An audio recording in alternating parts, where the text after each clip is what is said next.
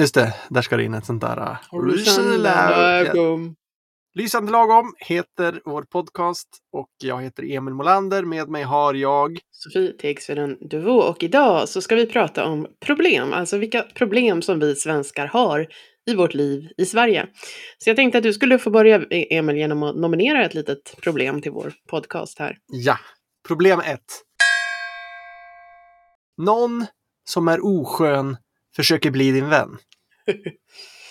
Ja, Alltså det här är eh, ett reellt problem som jag tror många har upplevt. För att vi har lite svårt med det här med att få vänner i Sverige. Det, det, det är omvittnat att som vuxen så kan man nästan aldrig få någon ny vän. Kanske på sitt jobb, kanske på något ställe till, kanske när du får barn så kan du börja umgås med andra vuxna. Men det är för många är det så att de, barn, eh, de vänner man får när man är barn är de man liksom har, har på halsen och det är de man... sitter fast med Det är de i man skiten, klistret. Ja. Eh, och, eh, men då händer det ju ibland att någon försöker bli din vän och skapa en relation. Och ofta så kan det vara någon som man inte kanske vill bli vän med. Och det här kanske låter jättekonstigt om du är från Mexiko, inte vet jag. Men det är som att vi har någon, någon gräns i Sverige för hur många vänner vi kan ha. Eller? Ja, kanske inte en, en kvantitativ gräns, men, men jag brukar ibland eh, prata med människor som kommer från andra länder om hur man skaffar vänner i Sverige. Och i många länder är det så, då är det liksom normen är att man, man hänger tillsammans. Och man behöver liksom inte vara så mycket mer än en annan människa för att bli en del av den här gruppen. Och man identifierar sig med gruppen. Men i Sverige så är det mer att man identifierar sig som en, som en individ. Och när man ska Mm. bli kompis med någon, då måste man ju liksom bidra med någonting. Man måste ha liksom en USP, alltså en unique selling point. Det måste vara något speciellt med mig En som. USP. En USP. Alltså när jag vill bli vän med dig Emil, då måste jag ha en USP. Jag måste liksom, du, du ska få ut någonting av att hänga med mig. Det räcker inte att jag liksom är en annan människa. Just det. Jag tror att, att, precis som du säger, när jag som svensk, om jag blir då approcherad av någon som vill bli min kompis, så vill jag nog inte bli den kompisen, kompis med den personen om inte den faktiskt liksom ger mig någonting. Om inte jag- USPen är tillräckligt bra, då vill Ja. du inte. Nej, för jag tycker det är ganska skönt att inte ha så många kompisar. Mm. Eh, så- Du är inte så- ensam om det. Nej, jag tror att, att, att det är väldigt typiskt för många svenskar, kanske också just i vår ålder. Mitt i livet som man säger, mycket på gång, det är jobb och lite företagsprojekt och så har man barn och hus och allt möjligt som man måste liksom hålla på med. Och, och att få in en massa människor där kanske faktiskt inte ger så mycket. Nej, precis. När du ska laga middag på torsdagen så vill du inte ha någon som bara är där. Liksom. Utan det måste vara ett skäl till att ni umgås. På något sätt. Precis, vi ska göra någonting tillsammans. Jo, Ja. nej, det, där, det där var en liten eh, chock för mig åt andra hållet när jag eh, var i Costa Rica. Där, där man har folk som är hemma hos sig. Sådär. och det kanske är någon kusin eller någon faster eller bara någon som du lärde känna häromdagen som, är, som sitter några timmar hos dig och snackar lite. Mm, jättetrevligt. ja, det är ju trevligt men det är också konstigt för mig. Sätt. Ja, alltså vad vad jag upplevt, jag, jag har ju bott en, en, en del av mitt liv, en del som blir en all, allt mindre del av mitt hela liv i, andra Mm. länder och det var ju mer socialt och mer liksom flexibelt och spontant och kompisar tog med andra Mm. kompisar när man träffades och där och det var ju jag, jag mådde väldigt bra, jag hade väldigt roligt och, och liksom lärde känna mycket folk och sådär. Men det jag märker är liksom när jag är tillbaka här i, i Sverige så har jag liksom mer och mer dragit mig undan de här situationerna och, och Mm. trivs rätt bra med att vara den här lite halva sociala svensken som inte alls har lust att ha någon, någon människa som sitter i mitt kök när Mm. jag står och lagar mat. Det Ja, känns det, är bara väl, jobbigt. det är väl en åldersfråga lite också, men, men här i Sverige i alla fall, men inte så mycket Absolut, på andra ställen ja. tycker jag det verkar som. Men eh, problemet är alltså då när någon som är oskön försöker bli ens vän. Eh, det finns liksom inget sätt att säga till någon, eh, nej jag vill inte vara din vän. Alltså man kan inte säga det för att då framstår man som konstig, den andra kan bli ledsen, det kan bli liksom en jättejobbig situation. Mm. Så man måste skicka ut signaler. Just det, Ja, och vi- man, vilka signaler finns då? Jo, man, man kanske inte hör av sig lika ofta som den här osköna personen. Just det, Vilket svarar, ofta ofta får den osköna personen att framstå som ännu mer oskön, för den personen kanske inte riktigt fattar de där signalerna och, och liksom hör av sig lite för ofta. Ännu mer, ja just det. kompensera då för min radiotystnad. Precis, en signal som svensken skickar ut är att inte svara på ditt sms på två dagar ungefär. Eller att Mm. inte svara alls. Mm, inte Precis. höra av sig. Ja. Eller, eller svara väldigt vagt om någon säger, ja men har du lust att gå på bio? Då säger man, ja det vore roligt någon gång. Eh, istället Mm. för att liksom faktiskt boka in en, en, en tid, en plats, Mm. ett konkret tillfälle där man ska ses. Just det. Och när den här osköna hör av sig och vill göra någonting spontant så vill man definitivt inte det. Nej, då har man andra planer. Ja. Ja. Den som kanske kommer från ett annat land där man gärna umgås väldigt mycket så, så har man kanske inte riktigt den här USPen. För man har aldrig behövt ha en USP. Man, man, man, det räcker med att man är kompis, att man är Mm. människa. Och då, då kan det vara väldigt svårt att förstå varför man inte riktigt liksom får napp när man söker Mm. vänner. Och eh, man kanske försöker vara generös och höra av sig ofta och liksom eh, använda de sociala liksom, regler eller normer som man är van med och så får man ändå inte gensvar och då, då, då klassas ju svenskarna gärna som liksom asociala och sådär. Vilket vi, vi, vi på sätt och vis är. Mm. Eh, men så lite som vi har pratat om förut, vi, har en an, annan syn på hur vi vill eh, vara tillsammans med andra människor. Ja, jag tror vi har tagit upp förut också att vi- umgås ju, och det är en klyscha men den är sann, vi umgås ju gärna i organiserade former. Jag såg Mm. till exempel en rubrik nu från någon lokaltidning där det stod eh, gubbdagis i Sölvesborg eller vad sjutton det var. Och då hade någon alltså hittat på ordet gubbdagis och bestämt en tid när eh, pensionerade eh, äldre män i, i den där byn eller orten eh, skulle träffas och sitta och prata ungefär. Och då kom det dit jättemycket folk och de hade jättetrevligt. Eh, det hette gubbdagis för att om det har ett namn och ett speciellt syfte och en viss tid, ja men då, då går det bra att umgås. Ja, men då vet vad man, man, vad man har att vänta sig, vad man ger sig in på. Att, och man, man, man ser också en begränsning av det. Att, Just ja, men. Då är det där liksom, på torsdagar mellan klockan fyra och sex. Liksom. Så mycket kommer det ta av Mm. mitt tid och min, min, min, min tid och mitt liv. För det är lite det också, om, om man har den här osköna vännen som då vill höra av sig mycket, det, det man kanske kan uppleva som svensk och om man har väldigt mycket behov av egen tid och struktur är att den här liksom personen inkräktar och tar av Mm. tid som, som, som liksom borde ägnas åt andra saker. Just det. Och om det är en oskön person på det här gubbdagiset, då vet du att när klockan är 17.30 så behöver du inte träffa den mer för att då är det ju slut, då går man hem. Ja, exakt. Eh, och även de, de där sköna gubbarna, alltså, de, de kanske man inte heller vill... För det tror jag också är väldigt viktigt, att även om vi tycker om någon person eller en kompis jättemycket så kanske man ändå inte vill träffa den här personen hela tiden. Utan att man vill ha liksom i la, lagom doser också socialt. Ja, eh, alltså det gäller även våra egna släktingar och eh, om man är vuxen och har vuxna barn så vill man kanske inte att de ska bo hemma hos en. Mm. Och det- Det gäller förstås många, men, men på vissa kulturer tror jag det framstår som ganska konstigt. Men, men nu sitter vi här och tycker det är så himla fantastiskt det här att vi slipper, slipper de här jobbiga människorna. Men, men jag tänker att ett trauma av det här som jag tror att både du och jag upplever, det är att man är så himla rädd att vara den här osköna vännen också. Att, att man kanske drar sig för att ha kontakt med folk just för att man inte vill uppleva som den här liksom, personen som inte riktigt Verkligen. fattar sociala koder, som inte riktigt har... Jag menar, vad ska jag bidra med egentligen? Jag har ingen USP, jag är en tråkig Verkligen. Mamma. verkligen. Liksom. Ja, alltså det där är väl kopplat till ens egen mm, självkänsla och allt sånt där. Men, men eh, absolut, att jag, jag hör inte av mig för jag tänker att jag vill inte att han ska behöva säga nej. Om han inte vill träffa mig. Exakt, så att, a- a- a- att vi inte hör av oss, alltså antingen att vi tycker att du som hör av dig till mig, du är oskön, eller Ja. så hör jag inte av mig för jag tror att du tycker att jag är oskön. Just precis. Ja. Det där är problematiskt. vad, vad, det är någonting lite fel med oss känns det som när, vi, när man säger det på det där sättet. Men, men, Resultatet men, blir att många blir ensamma, eller hur? många blir ensamma, absolut. Eh, och, och kanske liksom har lite svårt att, att leva ut riktigt allt, allt som de har har lust att leva ut. Mm. Men, men, jag, men jag tänker också att många kanske ändå söker sig tillbaka igen till de här organiserade aktiviteterna. För att om jag Mm. liksom anmäler mig till en fotokurs, då, då vet jag att jag, är liksom, jag har anmält mig där på precis samma villkor som de andra. Jag har betalat min avgift, jag har registrerat mig i tid liksom.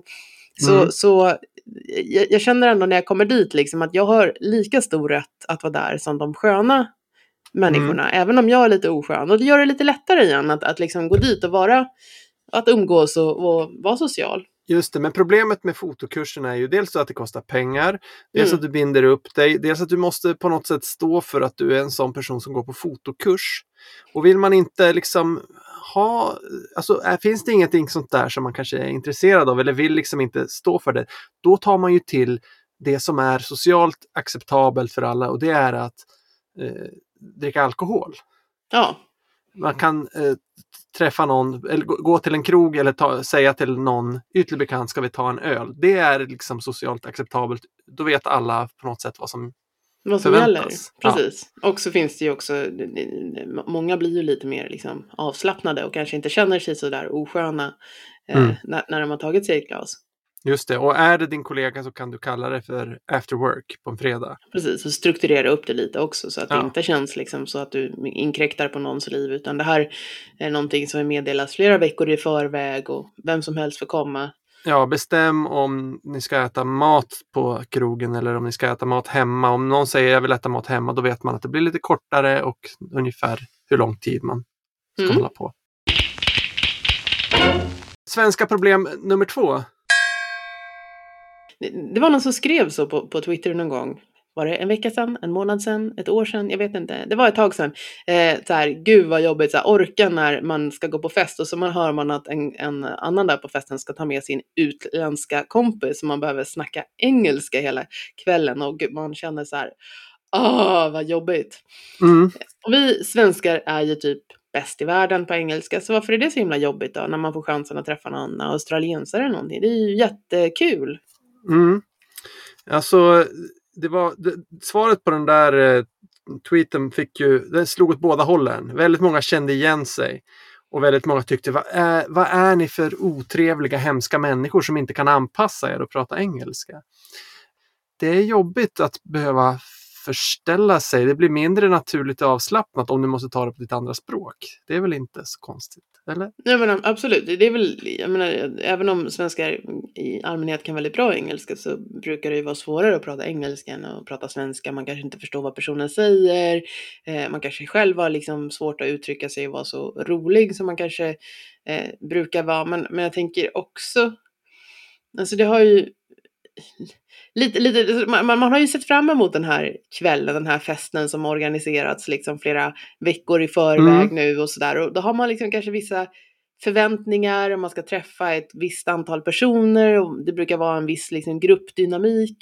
Och den Mm. där gruppdynamiken kanske liksom förändras Sätts ur spel. sätts ur spel totalt. Dels av en ny person men också en person som pratar ett annat språk, umgås på ett annat sätt etc. Så man Mm. har inte den här trygga lunken kanske som man annars liksom har och förväntar sig. Nej, och om det är på engelska, då måste du mm, konversera. Om det är på svenska kan du bara sitta och blaja lite och slänga ur dig lite små antydningar och, och liksom ljud och korta ord med som är liksom referens till någonting som alla vet om. Du har mycket mer liksom småmedel som du kan ta till. Om det ska ske på engelska så måste du nästan sitta där och Intervjua varandra. ja, precis. Det blir lite mer formellt på något sätt tror jag. Ja, precis. Men det är det- ju hemskt också. Varför kan vi inte bara vara schyssta och hjälpa den här stackaren som inte kan svenska?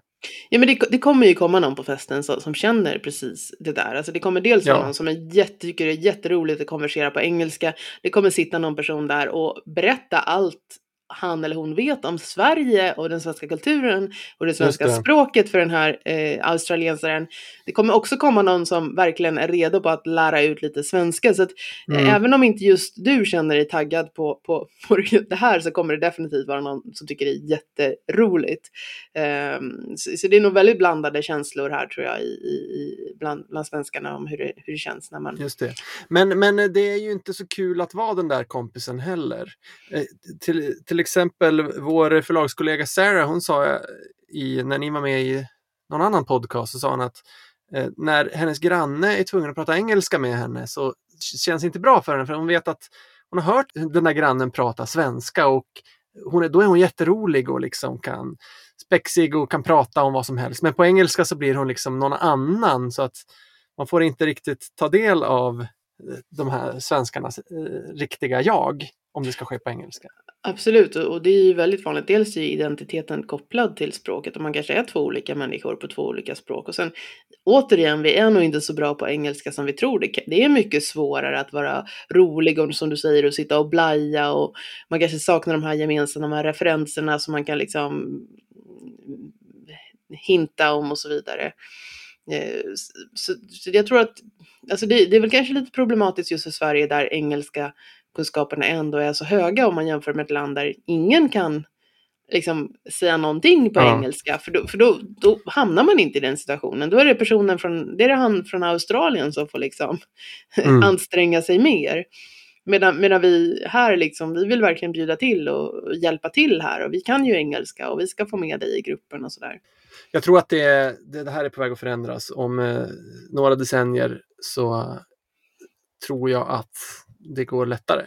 Ja. Alltså, man märker nu att det är många ungdomar som umgås med varandra på engelska, även om de har svenska som modersmål båda två. Det, det, är, det är omskrivet. Precis, och det tror jag inte bara har med, med språk att göra, utan det har ju också liksom med globaliseringen att göra, att man har fler och fler gemensamma referenser, även om man har vuxit, vuxit upp på olika sidor eh, av jordklotet, så att säga. Mm. Jämfört mm. med när vi växte upp, då var man ju verkligen isolerad här och vi läste våra grejer och så på våra tv-serier och så vidare. Mm. Problem nummer tre. Någon vill ha en öppen konflikt med dig. Ja.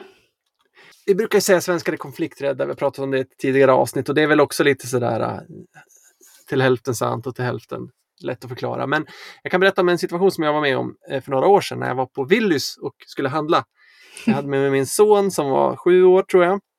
Och jag gick före honom, gick genom fruktavdelningen och så såg jag ett äpple komma rullande. Ja. Och sen hörde jag en upprörd röst i bakgrunden som sa någonting och jag, ja, jag ville bara göra min jäkla inhandling och sen gå hem så att jag gick vidare.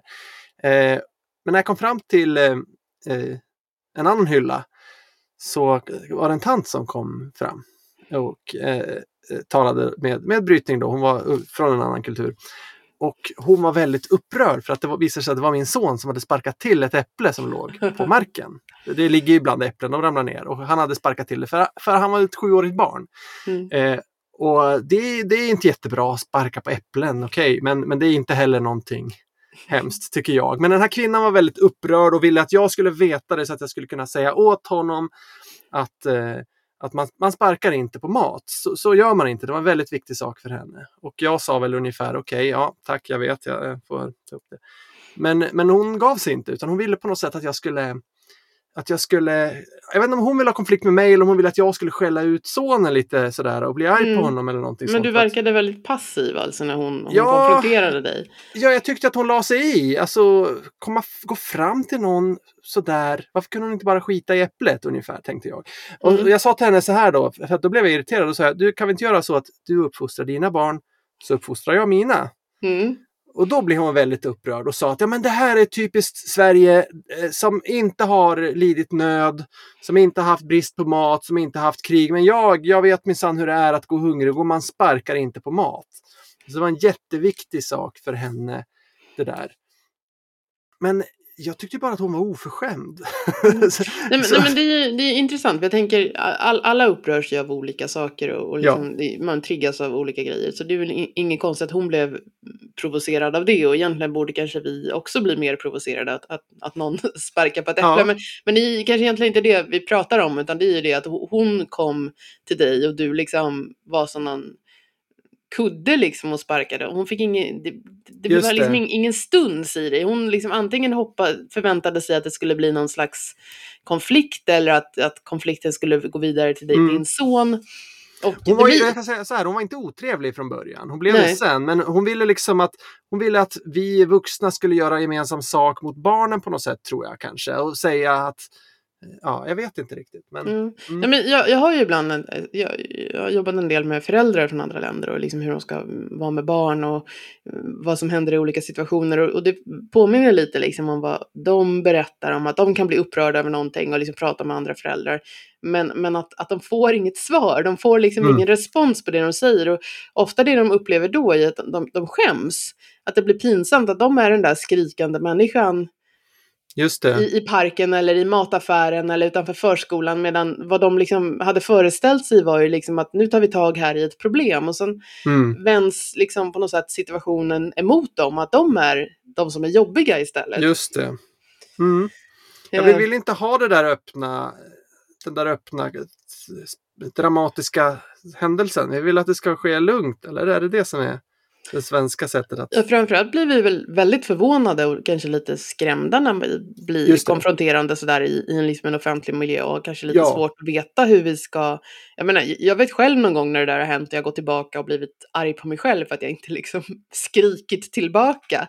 Mm. Eh, vilket man kanske ibland borde göra, men, men, men att man, vi är himla präglade av det här att liksom undvika det och, och Mm. bara säga någonting, ja, ja, ja, men jag lyssnar och liksom bara försöka dra sig ur det hela. Ja. Alltså jag, var- jag, jag, jag blev ju liksom alldeles darrig av den där lilla konflikten. Ganska långt efteråt. Fast det var en sån liten skitsak. Ja.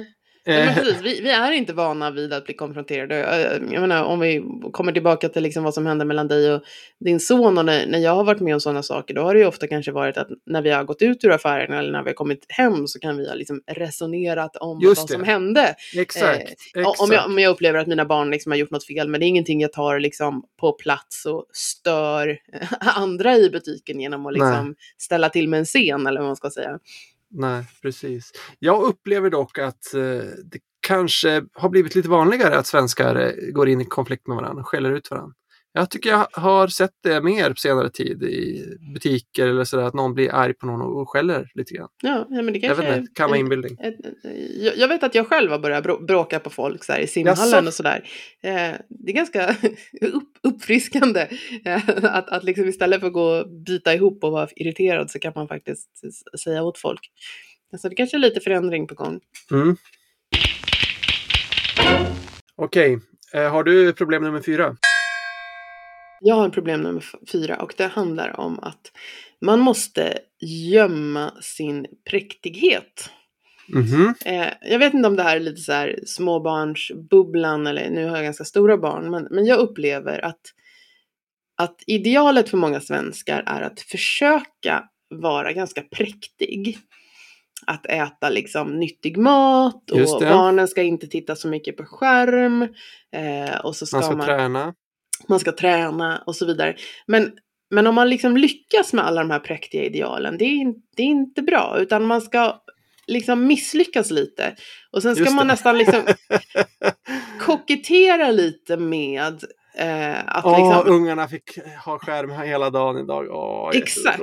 Ja, just det. Annars skryter man ju. Annars skryter man ju. Och jag, jag är tyvärr en ganska präktig människa i mi- mitt föräldraskap. Jag har upplevt eh, liksom på ett personligt plan att det här är måste man ligga väldigt, väldigt lågt med för att, vara, liksom, att det ska vara socialt eh, acceptabelt. Så, så när, när de andra Mm. föräldrarna liksom berättar om liksom, att de inte har lyckats eh, ge sina barn, eller barnen har suttit för länge vid skärmen sådär, då, då ska jag absolut inte liksom säga, ja men mina barn får sitta vid skärmen hur mycket de vill, men Nej, de gör det- inte så mycket liksom, utan man måste vara med på det där och, och liksom eh, försöka sträva efter någonting som, som, som man inte aldrig liksom lyckas nå.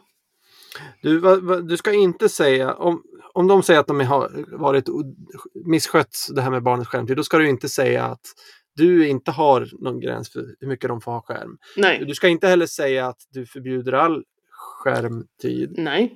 utan du ska också ha misslyckats. Jag ska också Helst ha misslyckats och så ska man liksom eh, på något sätt klappa om varandra lite för att man ändå eh, försökte nå de där målen men inte lyckades. Men det är inte Mm. heller okej att inte försöka vara präktig och bara liksom misslyckas fast man aldrig försökte. Nej, just det. Eh, precis, ja, för det är också ett skryt. Mm. Att skita i präktigheten. Då har man ju liksom överlistat systemet på något sätt. Och det, det går inte an för de som är i systemet. Så det, det tror jag är någonting som, Ja. som liksom, för att det ska fungera socialt så ska man liksom eh, lägga ri- ribban högst, inte riktigt eh, nå dit. Och det kan gälla liksom både plugg i skolan eller föräldraskap eller jobb och så vidare. Mm. Men eh, det finns väl viss präktighet som man inte riktigt får slarva med. Och vad tänker du? Eh, och det här kanske inte kan kallas för präktighet, men, men till exempel att, att eh, tänka på miljön. Eh, Man kan inte säga så här, "Ah, jag slängde alltid brännbart, skit i det. det skulle, då skulle det bli dålig stämning. Då fast man kan säga kanske, ah, vi tog en flygresa till Thailand, fast miljön är... Ja, alltså det är intressant det där med miljö, för där är, det är ju också väldigt liksom... Jag, jag vill inte säga moraliserande, för det låter lite för negativt, men, men Det är präktigt. det, är präkt, det, det är präktigt med miljö. Ja, men jag tror att alla måste någonstans liksom, i någon, någon del så, så kla, klarar de det inte. Utan man, annars kommer folk att störa sig på den som liksom återvinner allt och aldrig flyger och, eh, Mm. och, så, och så vidare. Det tror jag. Så länge inte man vet att alla i den här gruppen också är väldigt präktig på just det här området. Ja, precis. Det finns ju vissa, liksom, som du säger, Mm. som enklaver där, där man liksom lever Ja. ut den här livsstilen tillsammans. Absolut. Okej, men jag har en annan slags präktighet också, där det är väldigt eh, oacceptabelt att bryta mot det. Och Mm. det är eh, eh, jämställdhet. Det är en väldigt bra poäng. Där, där ska man vara så... Fast det kanske beror på vilka kretsar man är i, så det Mm. vet jag inte. Det, men det, ja, jo, man, man kan ju kalla det präktighet, men, men det, för må, väldigt många så är det bara liksom självklart att det ska vara jämställt. Men, men det finns ett, ett, ett inslag av präktighet i det. Till exempel om eh, ett gäng svenskar anordnar en bokcirkel Mm. eh, och de är eh, vanliga medelklass svenskar. Då kommer, de, kommer någon i bokcirkeln att säga så här. Eh, vi ska väl läsa både manliga och kvinnliga författare och från olika kulturer. Så och så säger alla ja absolut, självklart. Och så eftersträvar man att, att uppfylla det kriteriet i sin egen bokcirkel som om det är liksom någon sorts, finns några regler för hur du ska göra. Man kan inte bara läsa de böcker man tycker är bra. Nej, det här är liksom ett socialpolitiskt projekt, vår egen bokcirkel mellan oss kompisar. Men det, men Alltså, där det är är väl, det där är ju väldigt lutherskt ändå, tänker jag, att man lever upp till det fast ingen ser. För det, det, det går ju ut på det här liksom, att, Ja. att, att, att kontakten med Gud har man ju själv, inte via liksom eh, någon präst som i, i katolska länder där liksom Ja, det inte det. spelar någon roll vad man gör fel, bara ingen vet, Just det, vet om det det, liksom. det är rättrådighet. Mm. Man tycker att man gör rätt när man gör så och det är väldigt viktigt att vi uppfyller den här och gör rätt i, inom det här. Det, Mm. är, det, är, ja, det är nästan religiöst. Mm. Men, men så här har vi då fyra svenska problem, alltså att man, man, eh, man någon försöker, som är oskön försöker bli kompis med en, eh, man har en utländsk kompis på fest, eh, så man orkar inte prata engelska, eh, någon försöker ha en konflikt med en, eller att man måste försöka gömma sin präktighet. Finns det några andra problem som man kan uppleva liksom om man är ny i Sverige som är väldigt liksom speciellt för Sverige, för den, ja, speciellt för Sverige som framförallt den som är ny upplever här. Och, Uh, eh. Jag tror det finns ju många sådana. Sen Ja. beror det lite på, alltså allt är inte speciellt för Sverige, det är ju mycket som är gemensamt med andra europeiska och nordiska länder förstås. Men en sån där sak som jag har märkt som många får problem med, det är eh, dating och relation mellan män och kvinnor. mm, Dels så har vi kanske inte det här datingsystemet som finns i USA, att man, man går på dejter på samma sätt, eller hur? nej, utan det är väl lite mindre strukturerat eller vad man ska säga. Man träffas och så kanske man är det inte så att man är, man är kompis först och sen så liksom utan att man riktigt vet när eller hur så är det något mer än att man bara är kompisar och så håller det på ett tag och sen Mm. kanske man blir ett par. Mm. Att det är en ganska lång och gradvis liksom, process med mycket osäkerhet. Ja, och sen, sen har vi ju också det här att vi inte har gentlemannaideal på samma Mm. sätt i Sverige längre. Alltså det anses inte självklart att en man måste hålla upp dörren för en kvinna. Det känns ju nästan, känns ju nästan löjligt om, om man skulle hålla på så. Ja, Eller liksom, ni går på restaurang så måste mannen betala såklart för att han är ju man. Och, alltså, Ja, det finns väl inte jag, jag skulle nästan känna mig lite kränkt. Eh, om, Varför? Nej men jag, jag skulle hamna i en väldigt konstig situation tänker jag om, om, om, om jag träffar en man och han hela tiden vill betala. Då, då, igen, vi har pratat om det här med tacksamhetsskuld, men då känner jag liksom att jag kanske måste anpassa mig eller leva upp till någonting för att han har, liksom har stått för min middag. Men, men om, om jag har betalat är det mer på lika villkor. att om jag mm. har lust att dra mig ur så, så har jag liksom, är jag inte skyldig honom någonting. Ja, men också, det handlar väl också om, om någon sorts status. Om, om du eh, måste hålla, att det måste hållas upp dörrar för dig, då är det antingen att du liksom inte klarar av att hålla en dörr själv för att du är en svag liten kvinna på något sätt. Jag tycker det är jättetrevligt att hålla upp dörrar, men jag tycker man kan väl turas om. Det är väl ett jättetrevligt ja. sätt medmänsklighet, liksom att hjälpa varandra med små hinder i vardagen, som till exempel ja, dörrar. Men, att, men inte att, kopplat till kön. Nej, det, det, känns jättekonstigt. Jag är väldigt kapabel att hålla upp och dörrar för mig själv och andra. Jag hade en eh, flickvän från Polen eh, för en massa år sedan när jag, när jag pluggade och eh, hon fick problem med sin cykel som hon hade köpt av någon begagnad. Och, eh, så den fungerade inte. Och då sa jag till henne så här, men du kan få låna verktyg av mig om du behöver laga den. och det, hon sa ingenting, hon sa bara, ja vad snällt. Men sen fick jag höra att hon hade berättat det där för sin familj, att jag hade sagt det. Och det var det roligaste de någonsin hade hört. Att det var liksom mitt, mitt sätt att vara en gentleman, du kan låna verktyg. Alltså att jag inte skulle reparera det åt henne. Utan ja, ja, jag tycker hon kan väl reparera själv, hon klarar av det. För, för min del hade det varit, det hade varit att, nedvärd, att nedvärdera henne om säga, ja, men jag ska laga den åt dig, för det klarar inte du av eftersom du är kvinna. Men det är mer jämlikt om jag säger, men jag har verktyg, för det har ju inte du som är utbytesstudent. Så du kan få låna dem. men för dem var det väldigt kul. Mm. Nej, men, nej, men sen är det, tänker jag också, vad ska man säga, det blir lite olika erfarenheter beroende på om man är man eller kvinna. Att det som jag upplever när jag pratar med kvinnor från andra länder, det är ju att, att som du säger, de blir inte riktigt särbehandlade och de förväntas betala för sin mat och så vidare när de går ut. Att de känner sig kanske inte lika eh, viktiga som de kanske hade förväntat sig i, i de här liksom dejtingsituationerna. Mm.